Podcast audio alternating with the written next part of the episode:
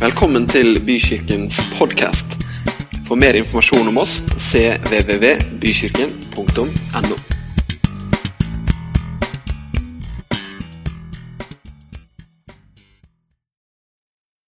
Gøy å være her igjen. Yes, Jeg ser fortsatt at dere vet jeg spytter mye, så alle sitter bak i salen. Det er bra. Fint å se dere igjen. Og jeg skal faktisk snakke om å se i dag. Jeg er jo ikke alltid, ser jo ikke alltid helt klart. Og jeg vet ikke Hvis vi får opp noen eh, bilder bak her, så sto det en eh, annonse i lokalavisa for noen år siden. 'Klarsynt søkes'. Jeg ønsker å komme i kontakt med en klarsynt. Må virkelig kunne sine saker. Ring meg. Og ikke noe telefonnummer! Da er du klarsynt, hvis du klarer å ringe til vedkommende da. Så er det jo ikke alltid det funker for de klarsynte heller. Hvis vi ser på neste her.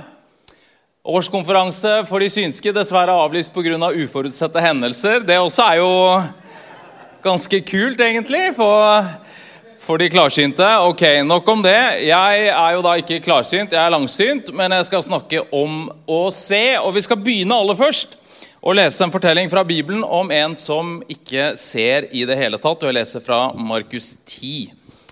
De kom til Jeriko, og da Jesus dro ut av byen sammen med disiplene og en stor folkemengde, satt en blind mann ved veien og tigget. Han het Bartimeus, sønn av Timus. Da han hørte at det var Jesus fra Nasaret som kom, satt han i å rope. Jesus, du Davids sønn, ha barmhjertighet med meg. Mange snakket strengt til ham og ba han om å tie, men han ropte bare enda høyere. Du, Davids sønn, ha barmhjertighet med meg. Da stanset Jesus og sa, be ham komme hit. De ropte på den blinde og sa til ham, vær ved godt mot, reis deg, han kaller på deg. Mannen kastet kappen av seg, sprang opp og kom til Jesus. Hva vil du jeg skal gjøre for deg? spurte Jesus. Den blinde svarte, Rabuni, mester, la meg få synet igjen. Da sa Jesus til ham, 'Gå, din tro har frelst deg.' Straks kunne han se, og han fulgte Jesus på veien. Vi hopper inn i bibelfortellingen her, hvor Jesus en stund nå har vært på vei mot Jerusalem, hvor han skal gi livet sitt. Og Nå er vi i Jeriko, i underkant av tre mil til, fra Jerusalem, som herfra til Sandefjord omtrent. Og så går de inn i byen, og Jesus er jo en kjendis. Og Nå skal jeg geeke litt her, da, men uh, jeg er jo bibelteolog. og Helt i begynnelsen av Markusevangeliet så er begynner folkene å følge Jesus. Og så har Markus han har skrevet dette her, lagt opp på den måten. Så I kapittel 1 så står det at hele byen var samlet utafor døra. Og I kapittel 2 så står det at det samlet seg så mange at de ikke fikk plass ikke engang utafor døra. Og I kapittel 3 så er det hele landsdeler som kommer, så de hadde klar en båt. Tilfelle Jesus han står og taler, og hvis det ble så press, så kunne han liksom gå ut i båten og ikke drukne. Så Jesus er kjendis. Ryktene går foran ham, folk følger etter ham. Se og Hør skriver om han, og nå leser vi altså om en som har hørt, men ikke sett. For Bartimeus er blind. Og Hvis vi prøver å gå tilbake til det første århundret nå, jeg mener Det å være blind er jo et handikap som er smertelig å bære, men i denne tida så er det også knytta til både sosialt og religiøst stigma. For tanken er nemlig at hvis du er blind, så er det fordi du har gjort noe galt. Hvis du har lyst til å se, så kan du se i kapittel 9 av Johannesevangeliet, så er, uh, går Jesus og disiplene forbi noen, uh, en blind mann, og da spør disiplene Jesus er det han eller er det foreldrene hans som er synda siden han er blind. Og Så sier Jesus at det er ikke verken han eller foreldrene som har synda. Men problemet er i denne kulturen det er litt sånn karmatenkning. Liksom, at er du syk og feiler deg noe, så er det fordi du har gjort noe feil. Så du kan jo tenke deg dette blame-gamet som han sitter i. Han er jo redusert til et objekt, og han sitter der. Han ser kanskje ikke folk når de går forbi han, eller helt sikkert ikke folk, men han kjenner jo på disse tause spørsmålene som folk stiller seg. Er det han eller foreldrene som har synda? Eller skammen? Eller Han tjener jo ikke penger heller, så han er avhengig av eh, folks gunst. Og nå har han bretta ut teppet sitt en gang til, og det er nok en dag i mørket. Men så skjer det noe på veien ved porten. Og Bartimeus fanger jo også opp dette her. Kanskje er det lydene han hører, kanskje er det støv i lufta, kanskje er det, det er en svær gjeng, er det bevegelsen i bakken? Det er i hvert fall mer lyd bort ved porten enn det pleier å være når de står og krangler om prisene på grønnsaker og kjøtt. Og han begynner å spørre hva er det som skjer, hvem er det som er her? Han har jo aldri sett Jesus, men han har hørt om Jesus, og nå vil han at Jesus skal høre om ham. Så han begynner å rope. Jesus! Du Davids sønn, ha barmhjertighet med meg. Det er jo ikke fordi at han tar feil, for egentlig heter jo faren til Jesus Josef, ikke David.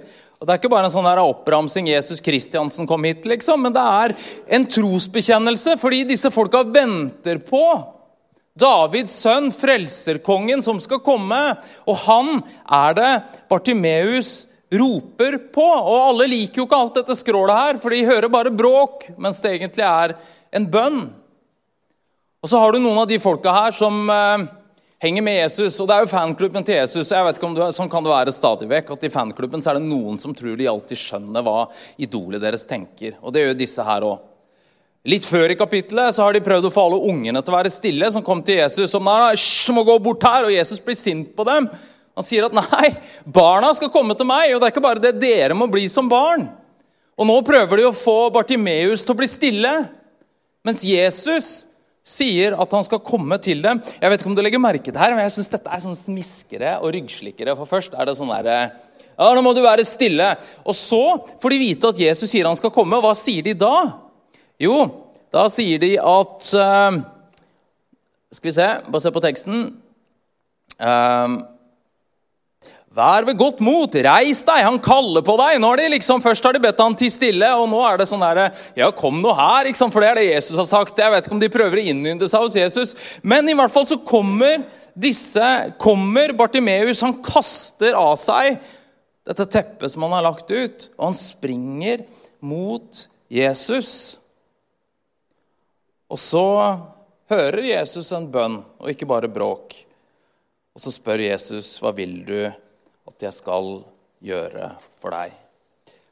La meg bare ta en liten parentes i teksten her. Det er interessant da, at Jesus, som det står bl.a. i Johannes-evangeliet, at han veit hva som fins i menneskets tanker. Han vet hva Bartimeus sliter med, og hva han tenker, men han spør likevel hva vil du jeg skal gjøre for deg.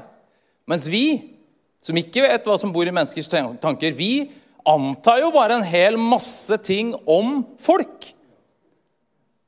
Jeg har en eh, svoger som er pastor i en menighet. Jeg har en mann som sitter i rullestol, og han trilla fram for å, til forbønn en gang. og Da er det noen som med en gang kommer og skal be om at han skal reise seg fra rullestolen i Jesu navn. Det er jo for så vidt greit, men det var ikke det han skulle søke, søkte forbønn for. Han ville møte Gud. Men vi bare antar at sånn skal det være. Og jeg tenker Vi skal jobbe med det, dere, at vi ser med mer enn øynene. At vi ikke bare snakker om Jesus, men at vi også prøver å snakke som Jesus. Å spørre mennesker og inkludere dem og møte dem med kjærlighet. Og Så sier da Bartimeus, Rabuni, 'Mester, la meg få syn igjen.' Da sa Jesus til ham, 'Gå, din tro har frelst deg.' Straks kunne han se, og han fulgte Jesus på veien. Så nå kan han se. Men han går ikke bare hjem, men han følger Jesus på veien. Så kunne vi jo stoppa fortellingen der. Kunne vi gått hjem, vi òg. Fin fortelling. Jesus som strekker ut sin hånd, Guds nåde, Guds kjærlighet, fantastisk evangelium. Men jeg har lyst til at vi skal gå litt før i samme kapittel. For da kommer det også nemlig en annen springende til Jesus. Og Vi skal lese fra noen vers tidligere i samme kapittel i Markusevangeliet at da Jesus skulle dra videre, kom en mann løpende, falt for kne på kne, for kne, på kne for ham og spurte, 'Gode mester, hva skal jeg gjøre for å arve evig liv?' Men Jesus sa til ham, 'Hvorfor kaller du meg god? Ingen er god uten én, det er Gud.' Du kjenner budene. Du skal ikke slå i hjel. Du skal ikke bryte ekteskapet, du skal ikke stjele, du skal ikke vitne falskt. Du skal ikke bedra noen, hedre din mor og din far. Han svarte, 'Mester, alt dette har jeg holdt fra jeg var ung.' Jesus så på ham og fikk ham kjær og sa, 'Én ting mangler du. Gå bort og selg alt du eier, og gi det til de fattige.' Da skal du få en skatt i himmelen. Kom så og følg meg. Men han ble nedslått over dette svaret og gikk bedrøvet bort, for han eide mye. Dette er en mann som også er en fariseer og en skriftlærd, og han kommer springende til Jesus. Og På en måte så er han jo Bartimeus motstykke, for denne mannen er rik, han er respektert, han er rettferdig, han er uh, rettroende, og han har alt på stell. Men det er likevel noe som ikke er i orden. Og Så kommer han altså og spør om hva han skal gjøre for å få evig liv. Og Så gir Jesus et litt sånn standardsvar først. Du kjenner jo budene, altså så ramser de opp. Og Det er en grunn til det, tenker jeg. Fordi eh, I et av de andre evangeliene så har det kommet en annen skriftlærd og prøve å sette Jesus fast tidligere og stilt eksakt samme spørsmål. Jeg vet ikke om Jesus er liksom ah, enda en. Du må bare holde budene. Så sier jo han at ja, men jeg har gjort det fra jeg var ung. Og Så står det at Jesus får han kjær. Og så ser Jesus hvor problemet ligger hos denne mannen. At det er noe som mangler. Så han sier, 'Gå bort og selg alt du eier, og gi til de fattige.' 'Så skal du få en skatt i himmelen. Kom så, følg meg.' Det er som han setter fingeren på det ømme punktet i denne mannens liv. Det som han har satt liten sin til. Det som han eh, hegner om, det som er viktigst for han, og så er det som hele korthuset faller sammen. Fordi han var jo klar for å holde et bud til. Hva skal jeg gjøre for å få evig liv? Men han holdt alle budene. Men Jesus ser at det er ikke budene som er problemet her. Altså, Han eier mye, men det han eier, eier også han. Så setter han fingeren på det. Så står det i Lukasevangeliet samme tekst at han ble dypt bedrøvet, for han var svært rik. Så går han bort. Og jeg kjenner jo at jeg får lyst til å løpe etter mannen og stoppe han litt og fortelle at Jesus er en tøysekopp. Han setter litt ting på spissen. Kan du ikke i hvert fall gi noe til de fattige? Og så får jeg lyst til å ta Jesus litt til side og si at kanskje du er litt hard i klypa. liksom. Du må skjønne at dette krever utrolig mye. Og dessuten, vi hadde jo fått mye bedre økonomi i menigheten om han blei med.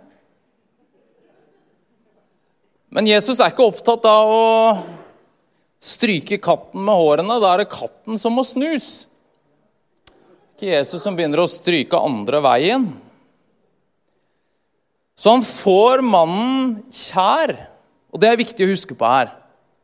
Han har mannen kjær, han bryr seg om han. Men han ser også hva som hindrer denne mannen i å bli hel, i å bli ny, i å bli det han har skapt til å være. At det han eier, det eier også han. Og mannen selv, jeg vet ikke, det ser ut som han bare ser sifrene på bankkontoen, liksom. Se for seg forakten i øynene på de andre i milliardærklubben. Han kommer og leverer inn nøkkelen til klubbhuset. Eller frykten for hva som vil skje om han selger alt han eier og følger eh, Jesus. Så han er så nær ved å gripe det han trenger for å finne det livet han søker. Men så er det noe i han som han ikke vil slippe. Og så går han ut av fortellingen uten navn, vi vet ikke hvem det er, og bedrøvet. Så vi sitter med to fortellinger om å følge Jesus her. Og altså, Den ene ser ut som en perfekt kandidat til å følge Jesus. Han er respektert, han er rik, han er velutdanna, han har alt på stell. Og Den andre virker jo nokså ubrukelig. Altså, en ting er en blind, Vi har et stor nåde for det, men i denne kulturen så er jo det da han har gjort noe gærent som gjør at han er blind. Han er fattig, og han er eh, stigmatisert. Men så er det noe med denne fortellingen tenker jeg, som må hjelpe oss til å se med mer enn øynene. Fordi den forteller oss jo at du kan være blind og likevel se, for det er det Bartimeus gjør. Eller du kan se som den rike mannen gjør, men likevel være blind. For det begynner ganske likt, disse fortellingene her. Bartimeus sitter og roper fordi han er desperat, og han springer opp så fort noen sier han skal komme til Jesus. Den andre mannen kommer også springende inn i fortellingen. Så jeg mener Det er en desperasjon her. Jesus er på vei ut av byen, og han springer etter ham. Men så slutter de så utrolig ulikt. For den ene går bort fra Jesus. dypt ulykkelig og blind for det som faktisk holder han tilbake fra det livet han ønsker å leve. Den andre følger etter Jesus, full av takknemlighet, og han kan se. Salig er de rene av hjerte, for de skal se Gud, sier Jesus i bergprekenen. Men så er det som at i hjertet til denne rike mannen så er det en hel haug med ting som hindrer uh, utsikten. Så han kan ikke se og Gud og den velsignelsen som han ønsker for ham, og han ser bare prislappen. Jeg skal snart eh, gå inn i avslutning her, men jeg tenker jo at tekster som dette her også sier noe til oss. På en måte så er vi jo sannsynligvis de fleste av oss ulike disse her. Ikke er vi blinde, og jeg er vel ikke søkkrike heller. Kanskje noen. Da sier Herren til deg at du skal gi alt selv alt Nei, jeg skal ikke si noe sånt. Men saken er på en annen måte så er vi også veldig rik, veldig lik disse her. For vi også har jo sikkert i våre liv, i hvert fall jeg, et behov for at Jesus skal røre ved meg. Og Jesus spør jo hva vil du jeg skal gjøre for deg. Og så har jeg også ting som holder meg tilbake i min etterfølgelse av Jesus, som jeg trenger at Gud skal sette fingeren på. At det er noe jeg eier, eller noe som eier meg, som holder meg tilbake. Og jeg frykter jo, og nå skal jeg ikke snakke til deg, men snakke mer generelt Jeg så at en av titlene her var 'Tro en individualisert tid'. Jepp. Det er jo ofte det at vi eh, tilpasser Gud mye mer til oss for, for, han til å gå i bane rundt i vårt lille univers. Jeg frykter jo at vi altfor ofte befinner oss i denne rike mannens posisjon.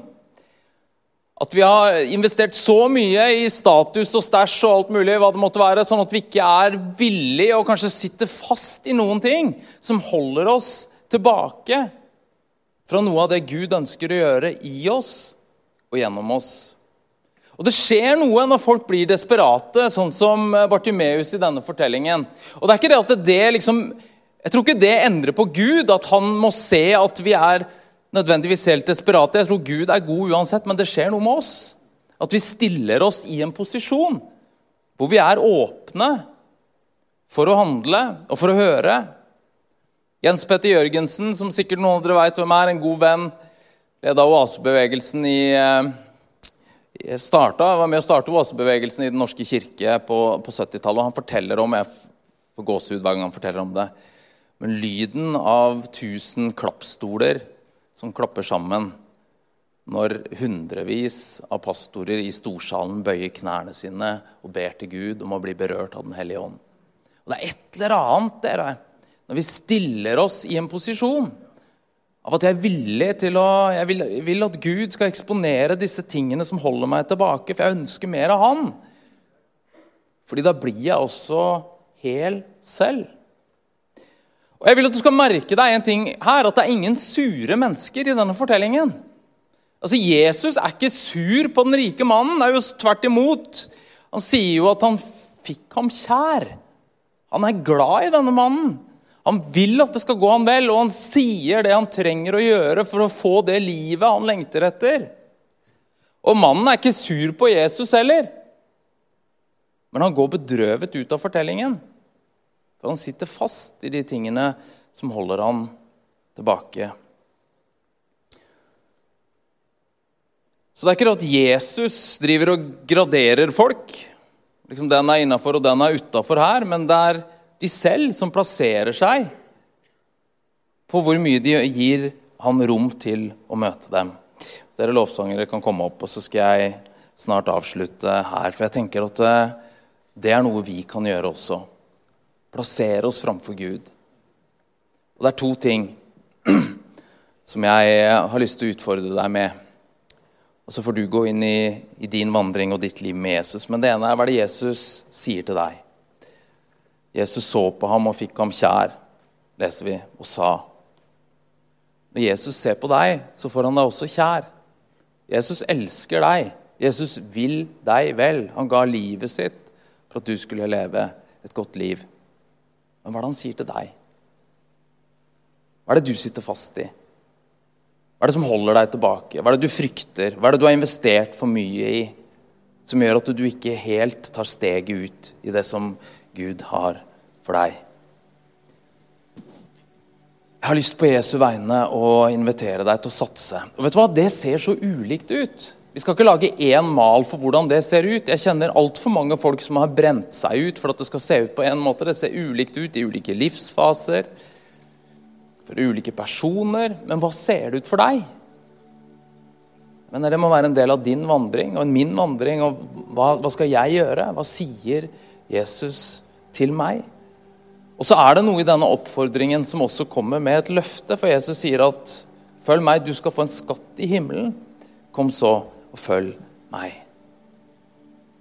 Og denne individualiserte kulturen vi lever i, så blir vi fort liksom hele Man snakka Kirkefader Augustin brukte uttrykket 'in curvatus se'. Vi er innkrøket i oss selv. Gravitasjonen rundt cellet er så veldig sterkt i vår kultur. Hva er det som holder oss fast? For at vi kan følge Jesus og få dette livet som han beskriver. Og så er det andre spørsmålet, og jeg har lyst til å stille det på Jesu vegne. Hva vil du jeg skal gjøre for deg? Han stiller jo begge spørsmålene. Det er ikke bare vi som skal strekke oss fram eller legge noe bort. Det er også Jesus som vil gjøre noe for deg.